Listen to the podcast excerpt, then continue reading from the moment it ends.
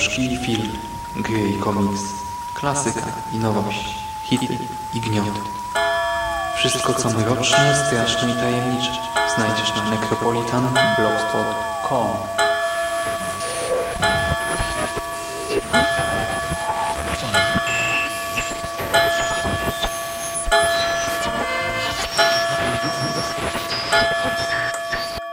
Witam w nawiedzonym podcaście.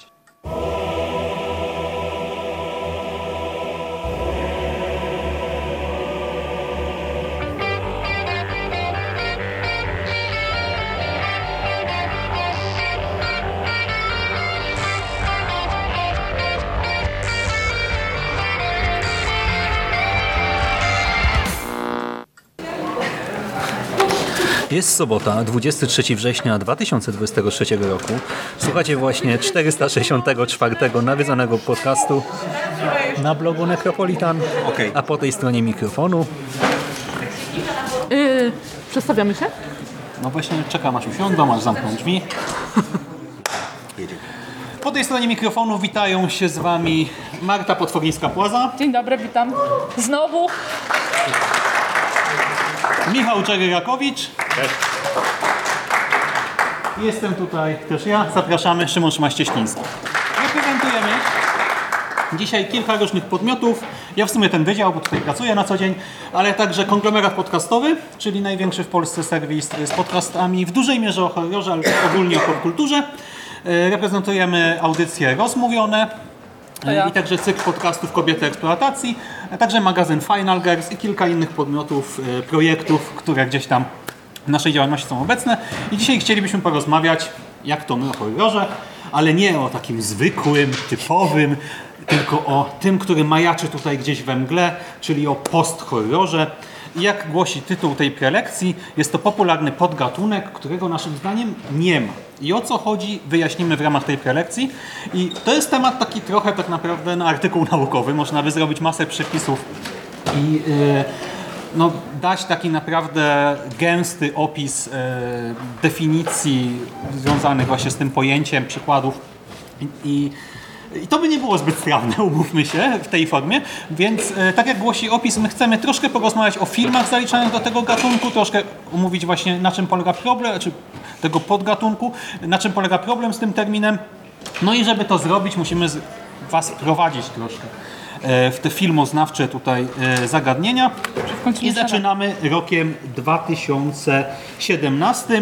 Był to całkiem niezły rok dla fanów kina grozy. Zresztą w ogóle ostatnia dekada de facto, tak? czy może nawet więcej, to było sporo dobrych lat dla nas, dla osób, które chętnie gdzieś tam, e, no poza myszą chodzą na horrory.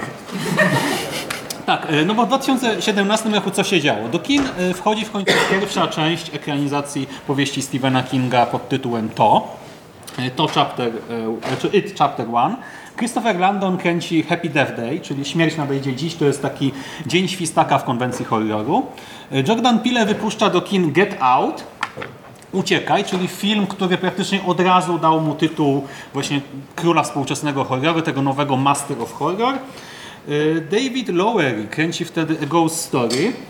To film, który też głównie wśród krytyków tak zapunktował bardzo mocno właśnie przez to nietypowe ukazanie ducha prześcierany de facto z dziurami. E, Trey Edward Schultz e, kręci It Comes at Night, czyli to przychodzi e, po zmroku. O tym filmie za moment więcej jeszcze sobie powiemy. Na Netflixa wtedy trafia Rytuał, też całkiem ciepło przyjęty, a Mark Dipla kręci i występuje w drugim klipie, w Dziwaku. Jeżeli nie oglądaliście dylogii Dziwaka, no to polecamy. Tak. No i właśnie w tym okresie takiego prosperity, ale nie nagłego, tak? tylko już trwającego od jakiegoś czasu, jeżeli chodzi o e, kino grozy, Steve Rose popełnia artykuł, on pisze dla The Guardiana How post-horror movies are taking over cinema, czyli jak post-horrory przejmują kino. E, Ten artykuł został opublikowany, jak być może widzicie, 6 lipca 2017 roku. I ten dziennikarz właśnie napisał to, widząc e, ten okres pewnego renesansu. E, Ten tekst zaczyna się od e, zdania, od e, to przychodzi po zmroku, po Ghost Story, do multiplexów wkrada się nowy rodzaj horroru, zastępując jumpscary egzystencjalnym strachem. Czyli już tutaj mamy tezę, tak? Odchodzimy od, tego, od tych straszaków, od filmów, które mają jumpscary, po prostu jakiegoś potwora, huk, etc. Przechodzimy do strachu egzystencjalnego, tak? Do czegoś właśnie egzystencjalizm, filozofia, coś więcej, coś głębszego. No i w tym artykule yy, Rose odwołuje się do kilku filmów, ale między innymi do It Comes at Night, E, do, to przychodzi e, po zmroku i on tam zauważa, że Twitter jest pełen nieprzychylnych komentarzy na temat tego filmu i e, zauważa, że krytycy i część widowni pokochała ten film, ale większość ocenia go negatywnie i on w ten sposób tworzy właśnie już takie, taką opozycję, że z jednej strony mamy krytyków i jakieś wąskie grono widzów, którzy docenili tę produkcję, a z drugiej strony cała reszta widzów która ma odmienne zdanie i krytykuje ten film jako przykład tego nowego nurtu. I on tam właśnie zauważa, że ludzie oczekiwali horroru z potworem, który przychodzi po zmroku, a otrzymali coś innego, ale coś więcej. Eee, cytując dalej ten tekst, fani kina głównego nurtu spodziewali się zwykłego horroru. Wyszli niepewni tego, co widzieli i nie podobało im się to. Ja wiem, że to już jakbym trollował, ale to są naprawdę cytaty z tego tekstu. E, Ja tutaj sobie nie dwaguję, nie dodaję od siebie. I jak słyszycie, on mówi o zwyczajnym horrorze. Nie? No i właśnie pisze dalej w tym swoim artykule, że jest coś takiego jak zwyczajny horror, ten typowy, i że to jest najbardziej skostniały gatunek, jaki w ogóle istnieje. Najbardziej skamieniały, po prostu nie do ruszenia. Tam są takie zasady, że jak w horrorze jest jakaś zasada, to po prostu już nie ma zmiłu i tak musi być. I podaje różne przykłady, nie będziemy wszystkich wymieniać, ale na przykład stacja benzynowa. No i jeżeli oglądamy ten film, no to okej, jeżeli w scenie otwarcia jakaś grupa postaci wjeżdża na stację benzynową, no to jakie mamy scenariusze? No nie wiem, a ktoś ich pokieruje y, gdzieś, gdzie czai się zło, mieszka jakaś banda kanibali, etc. B. Ktoś im powie, żeby nie jechali tędy, no bo ta osoba wie, ale oni i tak pojadą, bo nie wiem, bo to jest skrót, czy bo akurat inna droga będzie, nie wiem, tam kamień, w którymś filmie jakieś głazy w ogóle spadły na drogę, bardzo realistyczne, takie jak musieli jechać tą drogą. Y, Ewentualnie trzecia opcja, no to ta osoba w ogóle już będzie nie żyła, ta stacja będzie pusta, co też pokazuje o miejsce złe, już się zaczyna, tak, jesteśmy w granicy. No, rzeczywiście są takie zasady. On też tam wspomina o Final Girl, Widzimy jakąś e, cnotkę e, na początku filmu, no to już wiemy, jeżeli to jest slasher, że tak ona dożyje do finału i prawdopodobnie pokona e, Zwola. E, no okej, są takie zasady, nie ma co e, z tym polemizować. No i on zauważa, że Właśnie y, on to nazywa latarką. On wprowadza taką metaforę latarki, że to jest latarka, z którą wyruszamy w nieznane. Czyli włączamy horror, widzimy te pewne elementy, które się odwołują do tych zasad, no i już wiemy, co się będzie działo dalej. Ruszamy niby w nieznane, ale tak naprawdę to jest nieznane znane. I on też zauważa właśnie, że sam e, reżyser, to przychodzi po zmroku, e, no, chciał nakręcić film osobisty, czyli nie usiadł do scenariusza z myślą o nakręcę horror gatunkowo, tylko nakręcę film o takich i takich lękach, takich i takich e, sprawach, które mnie dotykają. No i akurat wyszedł mu z tego horror, ale to właśnie nie jest horror, tylko coś więcej. Ten post-horror Mimo, że tytuł, tak, to przychodzi po zmroku, w, w roku premiery to Stephena Kinga, czy ekranizacji to Stephena Kinga, ten mrok, y, tak naprawdę marketing też zwiastował, że to będzie zwykły po prostu straszak i Rose o tym wie. No i właśnie y, konstatuje ostatecznie, że niektórzy twórcy gaszą latarkę i zapuszczają się w mrok, czyli odchodzą od tych zasad. I tak właśnie powstaje, cytujemy, nowy subgenre, czyli podgatunek y, post-horroru, i wyjaśnia, że w tym filmie, to przychodzi po zmroku, niby mamy apokalipsę, ale do końca nie wiemy z czego ona wynika. Niby tam działa jakiś wirus, ale do końca nie wiemy co to za wirus, czy to on jest właśnie tym przejanem tej apokalipsy, czy to jest coś obok. Mamy rodzinę, która mieszka w domu, w którym są takie czerwone drzwi jak na plakacie i e, nie wychodzą z tego domu w nocy, no bo coś się czai w tym roku. Czy to jest potwór, czy nie, nie do końca wiemy i właśnie te wszystkie znaki zapytania i to, że to jest w dużej mierze jednak film o stracie, e, gdzieś tam o braku zaufania, problem w komunikacji, to jest tym czymś więcej. I Rose też zauważa, że studio A24 jest tutaj bardzo istotne, a teraz podamy Wam kilka przykładów z tego to już. e, Podgatunku na Tak, to razie. ja sobie wezmę mikrofon. E, No tak, e, jeżeli chodzi o takie filmy, które najbardziej kojarzą się z tą formułą, którą Ross opisał jako e, post-horror, no to przede wszystkim It Follows, Coś za mną chodzi, film z 2014 roku, czyli e, z czasów, kiedy Ross pewnie jeszcze nie myślał o tym, żeby nazwać horror post-horrorem, bo wiadomo, dobre horrory powstały dopiero jak y, Ross określił je e, post-horrorem. E, W każdym razie tutaj mamy do czynienia z historią o e, no, boleściach dorastania, oczywiście wyrażoną e, niedosłownie. E, Mamy do czynienia z jakąś klątwą przekazaną e, drogą płciową, ale oczywiście tu chodzi o coś więcej niż klątwę, tak jak Szymas e, zaczął, e, post-horror zawsze opowiada o czymś więcej, więc tutaj e, w tym filmie no, tak, tak ten film był czytany i tak też rezonował z krytykami. Tutaj pozwolę sobie przytoczyć króciutkie zdanie z Michała Walkiewicza, czyli no, dość powiedzmy cenionego krytyka, mianowicie Tutaj już otwieram cytat. To, co w latach 80. byłoby małą, subtelną aluzją do szalejącej epidemii AIDS, staje się na naszych oczach pojemną metaforą lęku przed wszystkim. Autor dość dogodnie zdaje się pomijać fakt, że reżyser w przeciwieństwie do niego nie umniejsza latom 80., tylko po prostu docenia ich tematykę, estetykę i sposób, w jaki y, lata 80. ujmowały te lęki.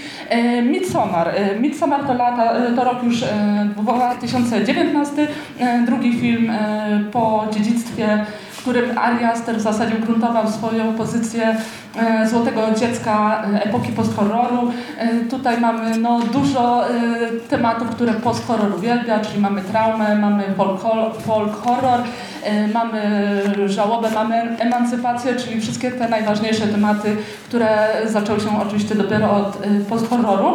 E, Film e, no, jest zupełnym przeciwieństwem e, dziedzictwa zarówno estetycznie, jak i tematycznie, także można powiedzieć, że e, klątwa drugiego filmu tutaj się nie sprawdziła. Ari Aster e, po prostu potwierdził swoją jakość, a e, reszta to już jest historią. Tutaj chodzi mi o Bo i Afraid, które pewnie, pewnie każdy z nas ocenia inaczej.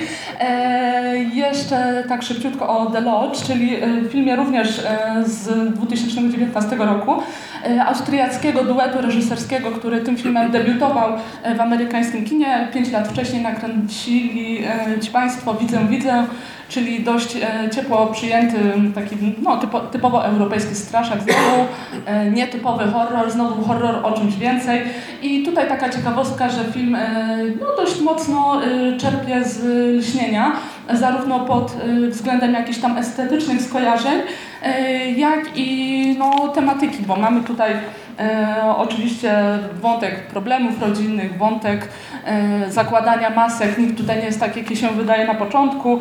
E, no i pod zwałami śniegu generalnie e, bardzo e, widowiskowo tutaj się nas straszy.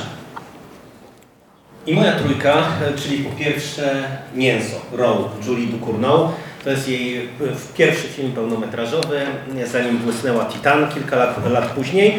I w tym filmie poznajemy e, młodą studentkę, Julienne, e, Justine, przepraszam, która wybiera się na studia weterynaryjne, na wydział, na którym poznali się jej rodzice i gdzie studiuje obecnie jej starsza siostra.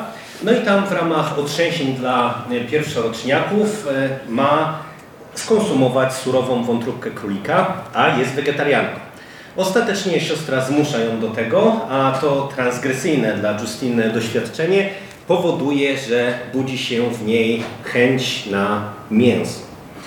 I ten film jest o tyle interesujący w kontekście całego post-horroru, że po pierwsze to jest film europejski, a w kontekście całego, całej dyskusji o post-horrorze to za chwilę też wyjaśnimy, że ona jest bardzo mocno amerykocentryczna, anglosaskocentryczna, tak można powiedzieć, Mm, ale ten film zawiera w zasadzie wiele elementów, które są z post-horrorem, z kojarzone.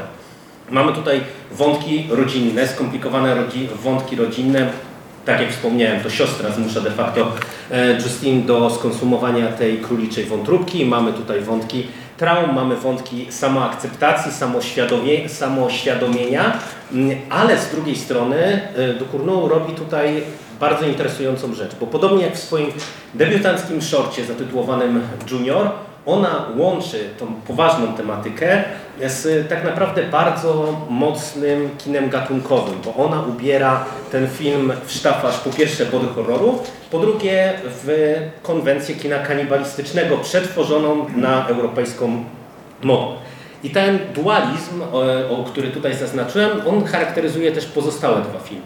Najpierw zajmę się Get Out, które wyszło rok później, w 2017 roku. No i oczywiście wszyscy pewnie Państwo wiecie, że ten film e, spotkał się z wyjątkowo ciepłą, e, ciepłym odbiorem i krytyków, i widzów.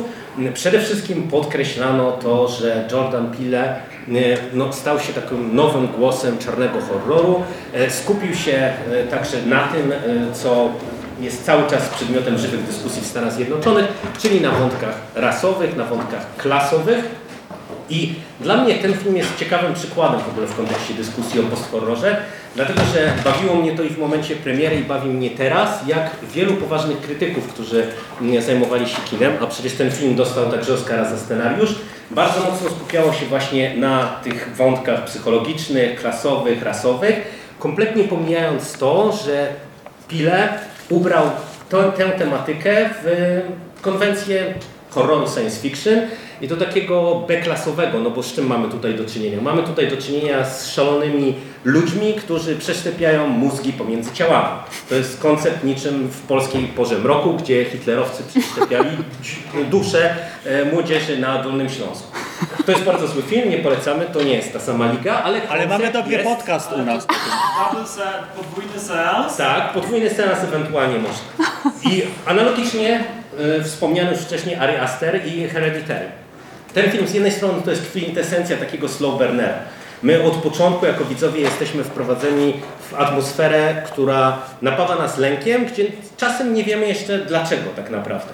I to jest kwestia tego, jak sprawnym reżyserem jest Astor. On bardzo zmyślnie używa dźwięku. To jest charakterystyczny taki dźwięk takiego klikania, które wykonuje młodsza córka w rodzinie takiego i my nie wiemy w ogóle o co chodzi, nie wiemy co znaczy, to, to w trailerach też było wykorzystywane, a przez to, że to jest dziwne, jest to niepokojące. Mamy tutaj świetnie wykorzystywaną przestrzeń, bo główna bohaterka tego filmu buduje, konstruuje domki takie ni to dla lalek, ni to nie wiadomo, takie e, makiety. I często my mamy przejście pomiędzy domem, który ona buduje, a światem przedstawionym. I ten film tematycznie znów wpisuje się we wszystko, czym interesuje się post-horror. Mamy tutaj traumę, mamy tutaj kwestię żałoby po stracie bliskiego, mamy fantastycznie i w bardzo zniuansowany sposób poprowadzone wątki rodzinne, ale z drugiej strony znów Aster wpisuje to wszystko w konwencję kina okultystycznego. I absolutnie nie jest tak, jakby się mogło wydawać, że to jest jakiś tam dodatek. Tak naprawdę, jeżeli przyjrzycie się Hereditary, tu foreshadowing tego, że mamy do czynienia z filmem okultystycznym, mamy od samego początku. I ta eskalacja, która następuje w finale, to do czego nas Aster doprowadza, spowodowało, że wielu widzów ten film odrzuciło, no bo mamy z jednej strony przez dwie trzecie filmu e, seans e, dramatu psychologicznego, takiego konfliktów rodzinnych itd., tak itd. Tak i nagle w jednej trzeciej dochodzi do potężnej eskalacji. Dobrze, to teraz kilka kolejnych przykładów. Zaczniemy od filmu, który dla Państwa jest po lewej stronie, czyli The Lighthouse. Jest to kolejny film Roberta Eggersa z 2019 roku. E, znowu zabiera nas do Nowej Anglii, tak samo jak w Wiedźmie, ale tym razem e, w XIX, pod koniec XIX wieku trafiamy na pewną tajemniczą wyspę u wybrzeży Nowej Anglii. I głównymi bohaterami jest dwóch latarników. E, ja się nad tym nigdy w życiu nie zastanawiałem, ale ten film pokazuje, że praca latarnika, zwłaszcza w ubiegłych stuleciach, była bardzo ciężką i fizycznie i psychicznie obciążającą pracą. I tutaj e, właśnie widzimy dwójkę latarników, którzy zmagają się z trudami tego zawodu, a następnie odcięci przez sztorm e, od po prostu świata, pozbawieni kontaktu w ogóle z, ze światem zewnętrznym, E, muszą walczyć z głodem, samotnością, izolacją i właśnie szaleństwem, które powoli obejmuje ich dwójkę. Mamy więc z jednej strony to więzienie wyspy i latarni, z drugiej strony takie więzienie swojego umysłu, tutaj bardzo mocno widoczne. I jeżeli film widzieliście, no to wiecie, że on też się wizualnie bardzo mocno wyróżnia, bo został nakręcony na czarno-białej taśmie 65 mm i dodatkowo w takim prawie że kwadratowym e, formacie. No nie jest to idealny kwadrat, ale e, jednak e, coś już na pierwszy rzut oka widzicie coś więcej, tak? No, kto to widzi takie filmy teraz w kinach? A ja się muszę pochwalić, że tutaj w Łodzi właśnie w kinie Charlie byłem na seansie w sali kameralnej, trzy osoby. Niesamowite przeżycie po prostu. Zwłaszcza biorąc pod uwagę klimat tego filmu, nie? Tam dwie osoby w lataniu, tutaj my trzy osoby w małej salce w kinie Charlie. Polecam po prostu. Jak będziecie mieli gdzieś okazję, przy okazji może jakiegoś festiwalu, e, ten film, jeżeli będzie wyświetlany, no to wybierzcie się na niego koniecznie. E, Kolejne filmy już są e, właśnie filmami z innych kręgów kulturowych. Po waszej prawej, jeśli się nie mylę, mamy Lot den Rekte Komma In. Det är en svensk film som kommer av Sverige. En film av Thomas Alfredsson. Nie mamy Szwedów na sali, no dobrze. E, No to, to jest szwedzki film. Thomas Alfredson jest to ekranizacja powieści Jona Ajwidelquista o e, tytule Wpuść mnie. E, On się też doczekał amerykańskiego remake'u, który o dziwo jest całkiem niezły. Tak? To są trochę inne filmy, ale oba są wartościowe. E, Książka jest jeszcze lepsza, bo niestety filmy przez długość e, muszą obcinać pewne wątki. E, Jest to historia dwójki e, młodych istot. E, Bohaterami są Eli i Oskar. Ona jest wychowywana przez pedofila, e, który zabija dla niej ludzi. Dlaczego tego się dowiecie e, z fabuły? On zaś jest ofiarą szkolnych osiłków i sam ma tendencję do przemocy. Nawiązuje się między nimi pewna więź, relacja, przyjaźń, zależność. To zależy od interpretacji i ostatecznie sytuacja eskaluje. Jest to film dosyć brudny, przygnębiający. Trafiamy do Blackeberry w Sztokholmie, to jest dzielnica, takie nie wiem, bałuty powiedzmy nasze, no, może nie do końca, ale chyba czuje się klimat, jeżeli bywacie w Łodzi trochę częściej. E, I e, mamy takie tematy właśnie jak przemoc dzieci, przemoc wobec dzieci, pedofilia, samobójstwo, alkoholizm, samotność, brak perspektyw, depresja, niemożność czy nieumiejętność komunikacji. No same takie przyjemne e, tematy. E, Więc e, czuć tutaj, że to jest film o czymś więcej. I ostatni przykład, Under the Shadow.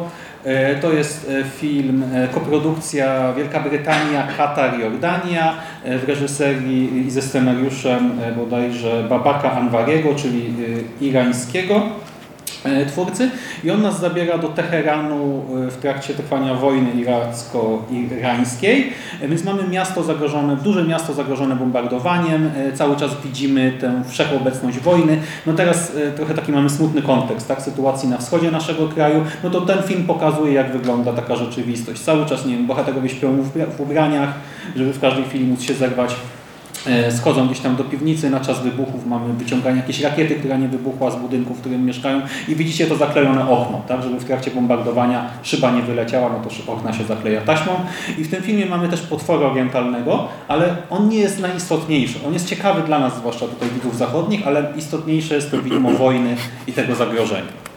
No i teraz e, czy lewy rząd się bardziej, jest bardziej obrażalski, czy tutaj prawy? Ktoś, ktoś jest obrażalski? I się nie przyznają, to jego strata wtedy. No, e, mały eksperyment teraz zrobimy. Powiedzmy, że mówię tutaj o Państwu po prawej stronie, mojej prawej, e, że jesteście e, uczestnikami konwentu. Zgadzacie się? Zgadzacie się? Ktoś ma z tym jakiś problem? Nie. No to teraz powiem o ludziach z lewej. Wy jesteście prestiżowymi uczestnikami prestiżowego konwentu. I jak się To czujecie? już troszeczkę problem mam.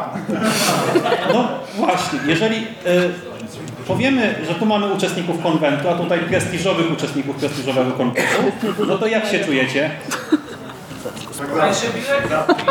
Gorsi. No i y, to jest trochę problem tych wszystkich etykietek, bo mamy ich więcej niż tylko post-horror.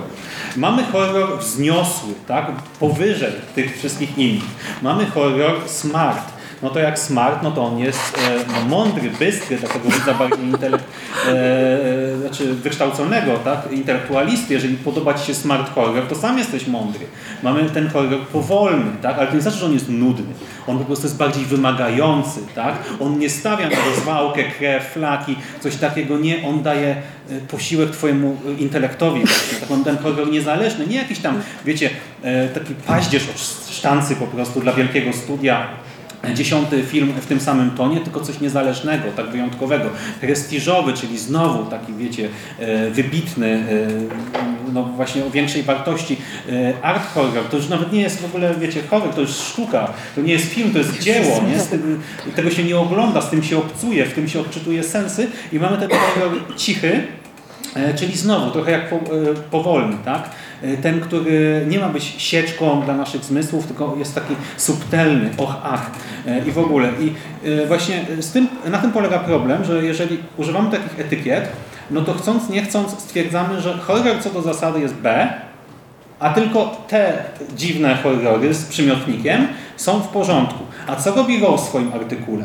Nie dość, że stosuje taki termin, to jeszcze de facto stwierdza, że kiedyś to w ogóle były tylko te złe horrory, te skostniałe. Tak? 120 lat historii kina to po prostu guma rzuta do znudzenia. Tak ogrzewany w kółko kotlet, a 2014 bum, ktoś wynalazł nowy podgatunek i, i jest dobry horror. Ale te, y, te wszystkie nazwy Leviathan Smart i te takie, to krytycy po prostu nadają? Czy to Tak. jest. Tak, to jest w, dys w dyskursie. Po prostu krytycy filmowi używają jako synonimu dla słowa post-horror tak. No i przejdźmy teraz... Albo jeszcze przed tym terminem były używane. Tak. Tak, i przejdźmy teraz na chwilę do jakby próby definicji. No bo Ross zdefiniował w swoim artykule słowo post-horror. Okej, mamy pewną łatkę, która zaczę, zaczęła być używana także przez innych krytyków. I Rose, e, o czym jeszcze za chwilę powiemy, spłakał się kilka lat później, że ludzie zaraz go zaczęli krytykować, że to wszystko są horrory, że to nie ma sensu, że nie ma racji i tak dalej, i tak dalej. No ale coś wszyscy czujemy podskórnie, że w tych latach po 2014 roku w horrorze działo się innego. No i mamy jedną z pierwszych publikacji takich dosyć potężnych, ona jest e, dosyć trudna językowo, taka specjalistyczna. To jest książka post-horror e, Davida Churcha, e, która zajmuje się post-horrorem jako właśnie gatunkiem, czy nie gatunkiem. No do tego w, te, w tej chwili przyjdziemy. Church no, w zasadzie na samym początku wychodzi trochę od tego artykułu Rose'a i w zasadzie od razu mówi, że Rose nie ma racji. Dlaczego nie ma racji? Dlatego, że mm, to, z czym mamy do czynienia w tej chwili, to jest tak naprawdę cykl. Cykl w mm, nurcie horroru y, i mm, przywołuje definicję, którą możemy znaleźć właśnie chociażby w książce amerykańskie cykle filmowe i tutaj będziemy zwracać uwagę na, na kilka elementów tych, tej definicji, y, w której mowa, że podobnie jak gatunki filmowe, cykle to ciągi tekstów, czyli to się by, zgadzało, ale na co on zwraca uwagę tak naprawdę, że cykle są zależne po pierwsze od dyskursu krytycznego, po drugie są uzależnione od tego, co się sprzedaje. Tu, jak Państwo pomyśleliście w tej chwili o A24, to słusznie do tego też za chwilę przejdziemy. Czyli zauważa, że tak naprawdę to nie ma do czynienia z nowym gatunkiem czy subgatunkiem, podgatunkiem, jakbyśmy tego nie definiowali, bo jednak gatunek to jest coś więcej. I y, zwraca od razu też uwagę na to, że tak naprawdę cały dyskurs o post- post-horrorze jest właśnie bardzo mocno anglosaski, prowadzony trochę w kontrze do y, torture porn, czy neo grindhouse, jak się o tym mówi też y, w książkach naukowych, czyli tej fali horrorów, które w e, Stanach Zjednoczonych i w tym kręgu anglosaskim były popularne po 11 września. I Tam były identyfikowane właśnie jako próba przetworzenia tej traumy, e, którą Amerykanie, co ważne, e, przeżywali. I na przykład zupełnie pomijała kontekst tego, że równolegle, nie wiem, no, narodziła się nowa francuska ekstrema, która przecież z 11 września nie miała wiele wspólnego, a na przykład w Japonii dużo wcześniej podobne filmy powstawały. No i teraz, jeżeli zatrzymamy się nad, e, nad tym, e, że mamy do czynienia z cyklem, a nie z e, podgatunkiem, to przejdźmy sobie na chwilę do A24. Dlatego, że Szymas wspomniał o tym, że widzowie czuli się na przykład oszukani idąc na to przychodzi po zmroku, bo sam tytuł już sugerował, że mamy do czynienia z tak zwanym prostym horrorem. I tak naprawdę to nie jest przypadek, że widzowie bardzo często są podzieleni w ocenie tych filmów, które tutaj Państwu przedstawiliśmy i wielu innych z, kojarzonych z gatunkiem post-horroru. I to jest trochę pokłosie bardzo świadomej decyzji producentów, w tym A24, które poniekąd w dyskursie krytycznym stało się tak naprawdę synonimem post-horroru. To jest to studio, które jest kojarzone, bo ono zostało założone w w w 2012 roku. To może się wydawać niewiarygodne, patrząc na to, z jakim dorobkiem mamy w tej chwili do czynienia, ale tak dokładnie jest. No i ono od początku stawiało na horror jako gatunek, czy w ogóle w szerszym dyskursie na kino gatunkowe.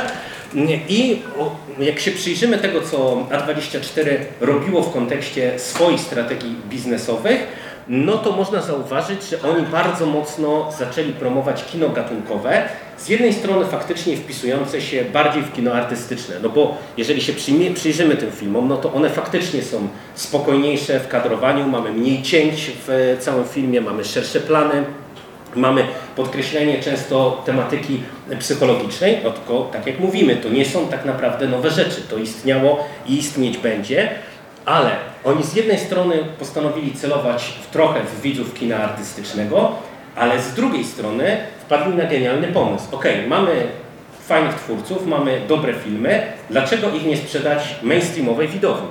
I tak naprawdę zaczęli reklamować filmy, które w tej chwili wszyscy kojarzą z post-horrorem. Nie wiem, Wiedźmę Eggersa, e, Hereditary, e, czy chociażby wzmiankowane To przychodzi po zmroku, jako proste straszaki. Jeżeli przyjrzycie się Państwu w trailerom tych filmów, to się okaże, że one trochę oszukiwały widzów.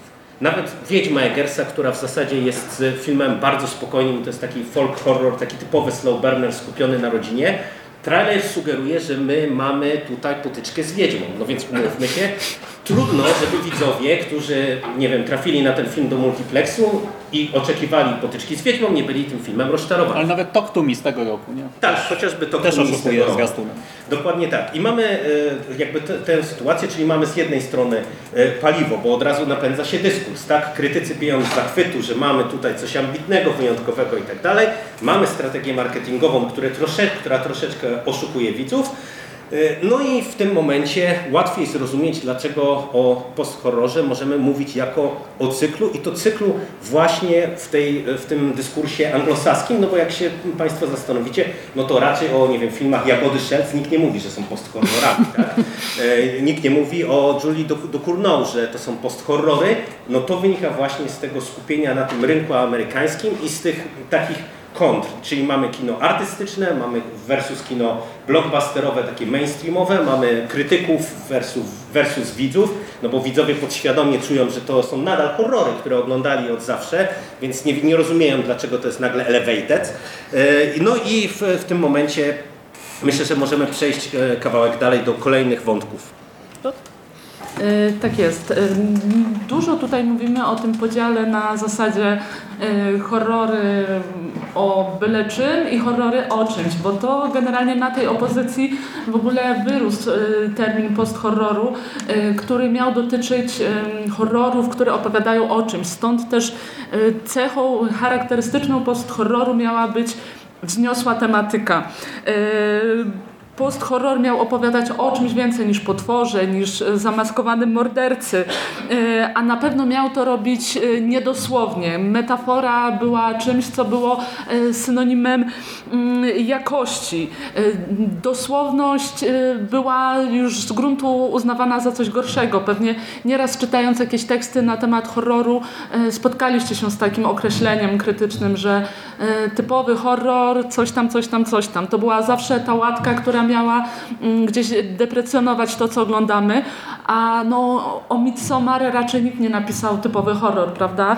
E, więc e, gdzieś tutaj te post-horrory miały e, się z tej łatki typowego horroru wymykać, ale gdy spojrzymy na tą garść tej, y, tej tematyki, która się najczęściej przewija w posthorrorach, czyli żałoba, trauma, depresja, samotność, e, gaslighting y, i tak dalej, i tak dalej, generalnie same przyjemne tematy, to i się zastanowimy nad tym, to mm, czy te tematy zaczęły się pojawiać dopiero teraz, czy może jednak towarzyszyły nam w zasadzie od zawsze? No, weźmy chociażby e, Noc żywych trupów, e, w którym e, mamy lata 60. Po raz pierwszy pojawia się czarnoskóry bohater. Co więcej, czarnoskóry bohater policzkuje białą bohaterkę, więc no, to, była, to był naprawdę moment przełomowy. Co najlepsze, Romero w ogóle nie robił, nie decydował się obsadzić czarnoskórego aktora po to, żeby jakieś tam schematy przełamywać, to wyszło zupełnie przypadkiem. Jeżeli chodzi o egzorcystę, no to już w ogóle mamy traumę, mamy depresję, samotność, rodzinę, kwestie religijne, praktycznie wszystko. A Don't Look Up, y, Don't Look Now, y, to z kolei y, no, opowieść o stracie dziecka w konwencji horroru o duchach, więc to też jest tożsame z tym, co teraz korzysta, kojarzymy z posthorroru. No i mój ulubiony przykład, pozwólcie, że z- zacytuję naszego y, Rosa, który w tym y, tekście po latach, gdy się spłakał, że nikt go nie lubi, y, powiedział, napisał coś takiego. To w tytule nie jest potworem, wirusem, ani niczym, co da się zdefiniować. Film jest bardziej niejednoznaczny.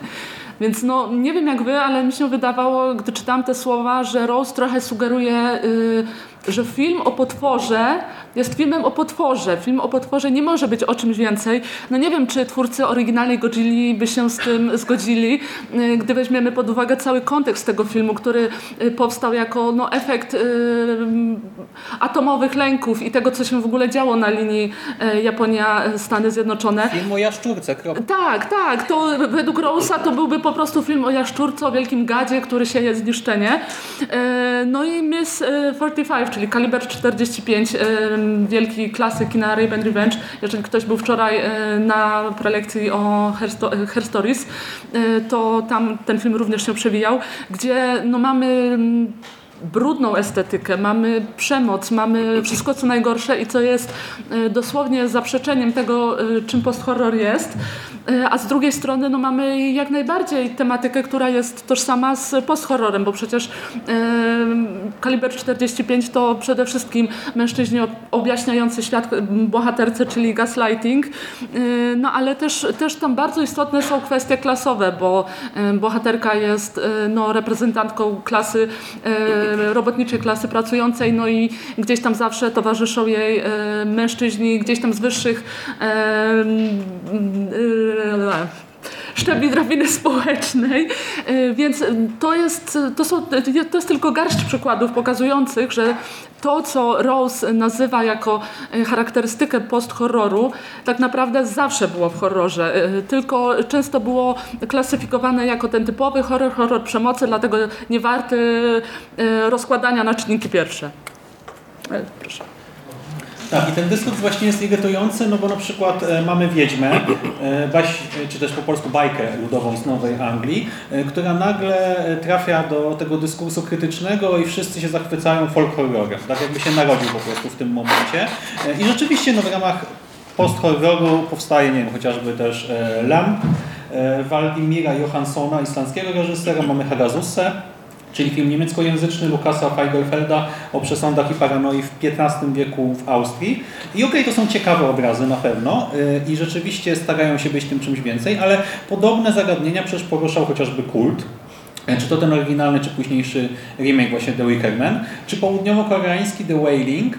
E, I to już jest w ogóle film, który dla widza z zachodu jest totalnie post, post, post, bo dla nas on jest jeszcze bardziej właśnie taki obcy, niejasny, niezrozumiały, przez to też właśnie e, Elevate jest powolny.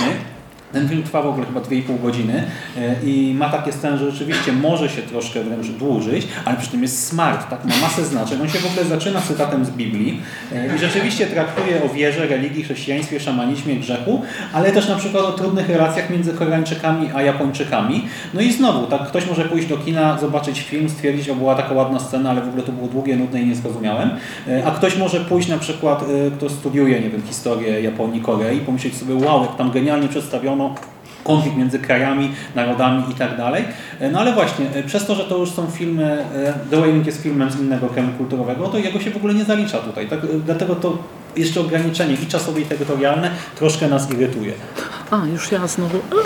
E, No i folk horror często idzie w parze z eko-horrorem, który też e, krytycy lubią traktować jako e, głos współczesności, podczas gdy no, eko-horror, mm, czy wątki eko w horrorze były obecne no, już dawno, dawno. Tutaj mamy Długi Weekend z lat 70., czyli film, który bardzo mocno akcentuje opozycję między człowiekiem a naturą. Oglądamy tutaj mm, no, historię o tym, jak e, natura praktycznie zawłaszcza świat, zawłaszcza świat wokół bohaterów, mimo że film otwiera scena e, w mieście, słyszymy gwar samochodów i generalnie dźwięki typowe dla miasta, to jednak gdzieś zawsze są takie szczegóły, które nam pokazują, że tak naprawdę to e, zwierzęta rządzą światem. Gdzieś tam e, stado gołębi przycina kadr. Uważna, uważny widz usłyszy, że w wiadomościach słyszymy historię o tym, jak stada kakadu gdzieś tam w Sydney, bo to film australijski, atakują e, Więc e, Dostajemy od początku sygnał, że e, ekologiczna warstwa będzie czymś istotnym. E, No i w dalszej części filmu jest to akcentowane jeszcze mocniej. To w ogóle ja lubię traktować ten film jako taki trochę animal e, tylko że tutaj nie mamy konkretnego stwora, który atakuje bohaterów, tylko w zasadzie cały świat natury mści się na nierozważnym zachowaniu bohaterów, no bo główna para, o której ten film traktuje jest od początku y, naznaczona takim pierwiastkiem negatywnym, że raczej nie sympatyzujemy z tymi bohaterami. Y, w ogóle można się tutaj też uśmiechnąć, bo gdzieś tam współczesna krytyka, współczesny y, dyskurs wokół horroru lubi akcentować podział na zasadzie kobieta, natura, mężczyzna, cywilizacja. I tutaj mm, ten podział zostaje już w ogóle wykrzywiony i odwrócony do góry nogami, bo kobieta y, tak naprawdę y, w ogóle nie ma tu żadnej. Żadnego połączenia z naturą, mimo że co ciekawe w filmie jest bardzo wyraźnie podkreślone, że y, zwierzęta y, pojawiające się w filmie są płci żeńskie, że to są najczęściej samice, a y, no, kobieta tutaj tak naprawdę marzy, żeby jak najszybciej wrócić do miasta. Natomiast sam mężczyzna jest no, takim typowym kolonizatorem, który no, gdzieś tam po prostu marzy o tym tylko, żeby zawłaszczyć tą naturę, więc no, te wątki były o, tak naprawdę obecne od samego początku e, w horrorach, nie tak jak zwykło się uważać dopiero teraz jako e, pewnego rodzaju nowum. E, Podobnie dzieje się ze slasherami, które chyba jako ten nurt horror najbardziej obrywają. O! No to wyobraźcie sobie slashery. E, które najbardziej obrywają jako te typowe, no bo przecież e, zażynane nastolatki i e, absolutnie slashery nie mogą być o czymś poważnym. E, Wyobraźcie sobie plakat filmu Prey, e, The Prey, który no, jest w zasadzie ekologicznym slasherem, gdzie morderca z jednym z... Yy, No, morderca jest tylko jednym z kolejnych tam gdzieś drapieżników w lesie. Tam również jest dużo takich zbliżeń na jakieś insekty, owady i generalnie na łańcuch pokarmowy, czyli jeden drapieżnik pożera we mniejszego, więc tutaj ta warstwa slasherowa jest y, wyciągnięta do jakiejś warstwy post. Y, I drugi y, plakat to był plakat do Happy Birthday to Me, czyli upiorne urodziny, który w ogóle jest czymś niesamowitym, bo tytuł sugeruje typowy slasher, typowy slasher y, o mordercy, który gdzieś tam będzie y, wszystkich zabijał, a w tym filmie spokojnie możemy znaleźć takie wątki jak wątki traumy, żałoby, y, wątki klasowe i przede wszystkim wątki traumy, które no, kreują warstwę psychologiczną tej historii. No i właśnie warstwa psychologiczna i mamy horror psychologiczny na ekranie, a raczej mielibyśmy, gdyby wszystko działało. E, Proszę sobie wyobrazić plakaty do dwóch filmów z trylogii apartamentowej Romana Polańskiego. E, I e, sytuacja, sytuacja wygląda tak. Czy postanowiliśmy ten horror psychologiczny umieścić tutaj, dlatego że mm, zawsze przy dyskusji o posthorrorze podkreśla się właśnie walory tego, jak one są pogłębione psychologicznie i wskazać na pewną pułapkę tego rodzaju myślenia i takiego, tego rodzaju dyskursu krytycznego. Dlatego, że Roman Polański i ta jego wczesna twórczość, chociażby z e, klasycznym już dzieckiem Rozmery na czele, jest doskonałym przykładem na to, że tak naprawdę ten horror psychologiczny ma się, miał się bardzo dobrze już w przeszłości i tak naprawdę Szastałem drzwiczkami. wątków e, psychologicznych to jest immanentna cecha e, kina grozy. Polański jest o tyle istotny, że tak naprawdę jeżeli wspomnimy sobie właśnie na przykład o e, dziecku Rozmery, to anegdotycznie mogę opowiedzieć, że na przykład często w e, krytyce, w różnego rodzaju artykułach, a nawet słyszałem to niedawno w jednym polskim podcaście, dziecko Rozmery jest nazywane jako proto-post-horror. co jakby, jeżeli weźmiemy pod uwagę, że post-horror jest tak naprawdę cyklem, cyklem, który jest uzależniony od e, także marketingu, jak już to wcześniej pokaza pokazaliśmy, no to Dziecko Rozmery absolutnie żadnym post-horrorem nie może być, nawet proto-post-horrorem. No dobrze, jeśli myślicie, że e, ruszenie drzwiczkami by naprawić rzutnik to magia, no to e, nie oglądajcie filmów skandynawskich, bo to dopiero się dzieją cuda. Właśnie, e, to ograniczenie przestrzenne, geograficzne jest dla nas absurdalne. Tak, ta perspektywa Rosa, który też ma się jako ten niby ogarnięty, obeznany widz, ma o sobie całkiem niezłe mniemanie, ale totalnie pomija te inne rynki. E, Tutaj wymieniliśmy, co my tutaj wymieniliśmy? E, niewiniątka, Piskle. e, piskle Goście. goście i kokodi, kokoda. E, no i w sumie, Kota niestety nie ma za dużo w tym filmie. tak, ale Kokodi Kokoda to jest w sumie e, najmniej znany film e, z tego Świetny. zestawienia, to może o nim e, słówko, to jest film znowu ze Szwecji, tak? ale nie, już nie będę mówił po szwedzku, Johannesa Nyholma. I to jest opowieść o małżeństwie, które kilka lat po śmierci córki wyjeżdża na kemping. W środku nocy kobieta się budzi, chce jej się siku, y, tam szturcha męża, y, no i w końcu wychodzi z namiotu, chce się załatwić i spotyka trójka agresorów. Ta trójka zabija ją i zabija męża. E, No i wiecie, po pierwsze, kurczę, spoiler. Po drugie, e, e, pomyślcie sobie, no dobra, no to gdzie jest post, tak? Gdzie jest cokolwiek więcej? No to wyobraźcie sobie teraz, że ta trójka agresorów. To jest starszy facet w białym garniturze z muchą, z jakąś szklaną kulą na e, lasce. E, To jest e, facet, taki olbrzym, jak taki drwal po prostu z baśni, który niesie martwego psa na rękach. I kobieta, która wygląda jak jakaś też dziwna wiedźma. I do tego ten starszy facet w garniturze śpiewa piosenkę o koguciku. Mój kogucik nigdy już nie zaśpiewa. Mój kogucik nigdy już nie zaśpiewa To było najstraszniejsze na tej prelekcji. kokodi, kokoda, nie usłyszę więc kokodi, kokoda. No przełóżmy kokodi, kokoda na kukuryku nasze. No ale tak czy siak, nie? Trochę już się zaczyna robić dziwnie. A teraz wyobraźcie sobie, że te trzy postacie to są jednocześnie, chociaż my ich widzimy jako ludzi, postacie z pozytywki. Z zabawki dla dzieci i z rymowanki. No i teraz dodajmy do tego jeszcze fakt, że e, gdy ta ekipa zabija w bardzo brutalny, typowy raczej dla kina eksploatacji sposób e, nasze małżeństwo, to czas się cofa do momentu, kiedy kobiecie zachciało się siku w nocy. Czyli I pętla czasowa. inną konfrontację. E, I potem widzimy jeszcze kilka takich e, scen. Więc znowu, jest to film przede wszystkim o czym? O tej stracie, o niemożności komunikacji, o nieradzeniu sobie z żałobą i tego typu tematach. E, I to wszystko w formie de facto eksploatacji jeszcze i takiego dnia świstanka.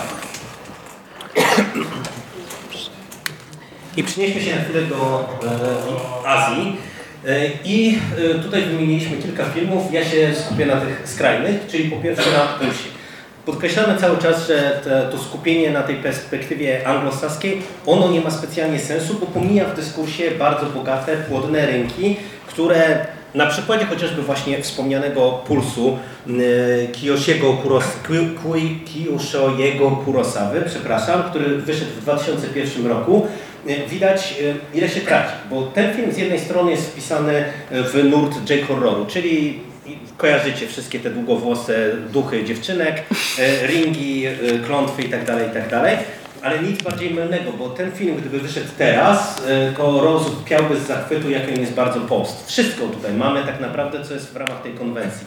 Mamy bardzo powolne tempo, mamy symetrię kadrów, mamy skupienie na smutku, na samotności naszych bohaterów. A o czym jest ten film tak naprawdę? O przenikaniu się świata ludzkiego świata duchów. Nagle któregoś dnia zaczynają znikać e, w Japonii ludzie, pozostaje po nich tylko takie cieniste odbicie na ścianie i okazuje się w toku akcji, że właśnie mamy do czynienia ze swoistą, nie wiadomo czy to inwazją, czy to porywaniem ludzi do świata duchów, czy przejściem e, duchów do naszego świata.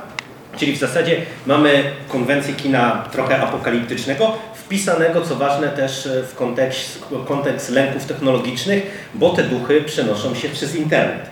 Jakkolwiek 2001 rok, e, więc mamy tutaj jeszcze internet e, z modemem, to może być zabawne z obecnej perspektywy. Natomiast uwierzcie mi, cała kwestia lęków, e, traumy itd., itd., ona jest jak najbardziej aktualna i bardzo polecamy Wam ten film. A w kontekście folk horroru, o którym e, wspominał Szymas, sięgnijmy do Duszy. Duszy, która zresztą jest chyba obecna na Netflixie, tylko trzeba przełączyć się na angielski. I to jest właśnie folk horror, który jest o tyle interesujący, że mm, on skupia się nie, czy wrzuca nas nie tylko w zupełnie obcą dla nas perspektywę, e, taką kulturową, no bo mamy do czynienia z e, horrorem azjatyckim, ale także się skupia na folk horrorze opartym o inną religię, dlatego że to jest folk horror, który skupia się na islamie. Także mamy tutaj cały szereg kontekstów, które są dla widza zachodniego no, jeszcze bardziej windujące ten film w górę. Tak, i wracamy do starego, dobrego Steve'a, e, bo Steve e, 2 sierpnia 2022 roku e, postanowił pożalić się znowu na e, łamach Guardiana. E, Jak widzicie po tytule, e, tak, I called it post-horror and now I've created a monster. I on pisze w tym tekście, e, tutaj kilka cytatów. Kiedy ukułem termin określający przerażające filmy, które łamią zasady, fani gore zasypali mnie obelgami. Fani gore w ogóle e, oni nie oglądali, pewnie wiedźmy, tak? Więc e, to jest pierwsza rzecz. I on dalej rozpacza, cytuję, przy- że ludzie mu zarzucali, że wszystkie wymienione przez niego filmy to po prostu horrory, że promuje elitarny snobizm, że nie lubi horrorów, więc te kilka filmów, które lubi, to na siłę określa czymś innym, że oczernia bogaty gatunek, nie zwracając uwagi na niuanse i podsumowując uprawia tandetne dziennikarstwo. Koniec cytatów. No i oczywiście, no wiecie, no jeżeli... A co, jest, a co jeszcze ważne, zasugerował, że David Church w tej swojej publikacji zarzuca mu, że jego własny termin on używa źle. Tak, i wiecie, no jeżeli przyszła do niego e, zgraja fanów, wiemy jak działa fandom, jest dosyć toksyczny i zaczęła e, go wyzywać e, i życzyć mu śmierci czy coś takiego, no to oczywiście to potępiamy, tak? Ale jednocześnie poważny krytyk, który w ten sposób się broni, jeszcze stwierdza, nie doświadczyłem takich ilości jadu od czasu mojej dwugwiazdkowej recenzji filmu World of Warcraft, no to... No to ja nie wiem, e, czy jest sens dyskutować, no ale e, dobra, potraktujmy pana Steve'a jeszcze przez moment poważnie. Wrzuca w tym swoim tekście najróżniejsze horrory nagle do tego swojego wora, e, postwora powiedzmy. Mówi, że z definicji gatunki trzymają się pewnych zasad, no ale zapomina o tym, że przecież też z definicji e, funkcjonowanie gatunku opiera się na tak zwanym, jak to się mówi w polskim filmoznawstwie, e, powtórzeniu z różnicą. Tak? Czyli e, to odtwarzanie schematów polega się na tym, że się właśnie modyfikuje pewne elementy, co też robią post-horrory. Tak? Niektóre robią to bardziej, inne mniej, no ale nadal de facto robią to, co wszystkie inne horrory. E, Potem jeszcze, e, jak w końcu się poddaje, stwierdza, no nikt mnie nie rozumie, ludzie mi zarzucają, że ja sam źle zrozumiem mój termin i w ogóle są niemili, E, no to może pozwolę sobie na nowe, genialne stwierdzenie i pyta, czy to za wcześnie, w 2022, czy to za wcześnie, by patrzeć na okres 2014-2018 jak na złotą erę horroru? Więc wiecie, w momencie, w którym ja już mu wybaczam, liść. E, No oczywiście, że za wcześnie, tak? No bo 2019 rok przecież nie był wcale gorszy od poprzedniego. Wyszły Lighthouse, The Lodge, Saint Mount chociażby, to my, e, Pilego, e, Malezyjska Dusza, o której mówił Michał Jerry. Wyszły trzy ekranizacje, dobre ekranizacje Stephena Kinga prozyk, tak? E, 2020, tak? Kolejny. Dał nam Pustego Człowieka, The Empty Man, genialny film po prostu i totalnie post. Niewidzialnego Człowieka, Czyj to dom, który jest na Netflixie, to jest świetny film. Małgosie i Jasia. E, No i tak można dalej przez kolejne lata lecieć. No i jasne, można powiedzieć, że w którymś momencie nam się to trochę przejadło, tak? Że teraz już to nie jest takie wydarzenie, gdy powstają takie filmy. No ale nadal no, widzimy, że tutaj dziennikarz, y, krytyk bardzo mocno chce po prostu zaistnieć y, w taki niezbyt udany sposób. I tekst kończy się kiepską metaforą z to przemil- przemilczymy, ale chwilę wcześniej właśnie on pisze w takim razie, jakie są granice między horrorem konwencjonalnym a post-horrorem, czy po prostu nie horrorem, jak mocno można zerwać z zasadami, zanim przestanie się być częścią gatunku, kto o tym decyduje, no najwyraźniej nie ja. No i z tym się zgadzamy. Y, Jest facet e, mało subtelny, skłonny do snobizmu i to nam się nie podoba. Y, Rzeczywiście w tym kinie anglojęzycznym pojawił się ten cykl kina, tak? już posługując się terminem fachowym, kina mniej jednoznacznego, stanowiącego, stawiającego na konkretną estetykę i tematykę, no ale absolutnie nie jest to nowy podgatunek, który stoi w opozycji do całego horroru. A ambitny czy wartościowy horror istniał, istnieje i będzie istniał dalej i myślę, że z tym się zgodzimy. Jeżeli podobała Wam się prelekcja, to odsyłamy do naszych e, mediów społecznościowych, na nasze strony. Nasze podcasty znajdziecie za darmo e, na konglomeracie podcastowym na YouTubie. E, No i to nasza ostatnia prelekcja. Dziękujemy.